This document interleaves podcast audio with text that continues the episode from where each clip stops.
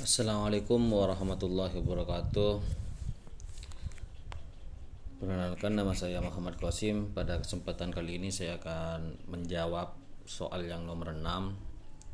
Yang pertama yaitu jelaskan yang dimaksud kewenangan desa.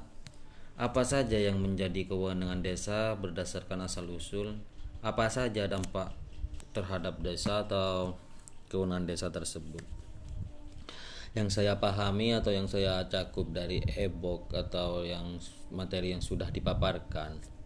Yang pertama, kewenangan desa adalah kewenangan yang dimiliki desa meliputi kewenangan di bidang penyelenggaraan pemerintah desa, pelaksanaan pembangunan desa, pembinaan kemasyarakatan desa dan pemberdayaan masyarakat desa berdasarkan prakarsa masyarakat, hak asal usul dan dan adat istiadat desa.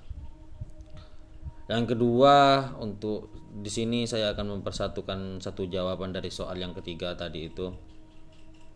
Yang kedua, pada tahun 2006 Kementerian 2006 Kementerian Dalam Negeri mengeluarkan Permendagri 44 tahun 2016 tentang tentang kewenangan desa memang terlalu jauh dengan Undang-Undang Desa jauh antara tahun 2014 dengan tahun 2016. Dengan kewenangan desa dalam Undang-Undang Desa dibahas mm, dalam bab uh, eh, 4 tentang kewenangan desa terdiri dari pasal 18 pada sampai pasal 22 dibandingkan dengan Permendagri 44 tahun 2016 tentang kewenangan desa.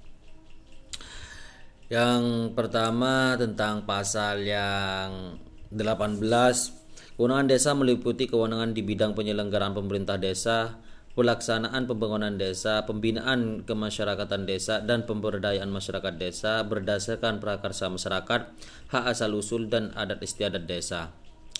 Nomor dan pasal yang 19 kewenangan desa meliputi kewenangan berdasarkan hak asal usul hak asal usul, kewenangan lokal berskala desa, kewenangan yang ditugaskan oleh pemerintah, pemerintah daerah, provinsi, baik pun pemerintah dari daerah kabupaten atau kota.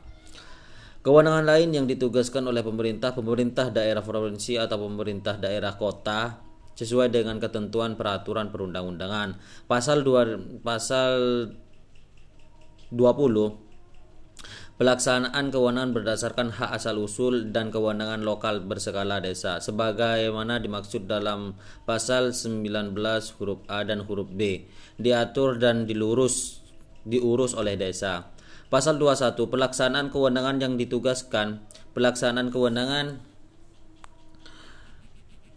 pelaksanaan kewenangan tugas lain dari pemerintah, pemerintah daerah provinsi atau pemerintah daerah kabupaten atau kota sebagaimana yang dimaksud dalam pasal 19 huruf C dan huruf D diurus oleh desa.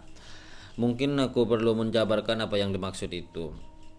Yang saya baca di sini tentang kewenangan desa ini banyak sekali yang saya pahami. Yang pertama pembinaan kemasyarakatan desa dan pemberdayaan masyarakat desa atau pembangunan desa. Mungkin ini hanyalah tinta di atas kertas putih.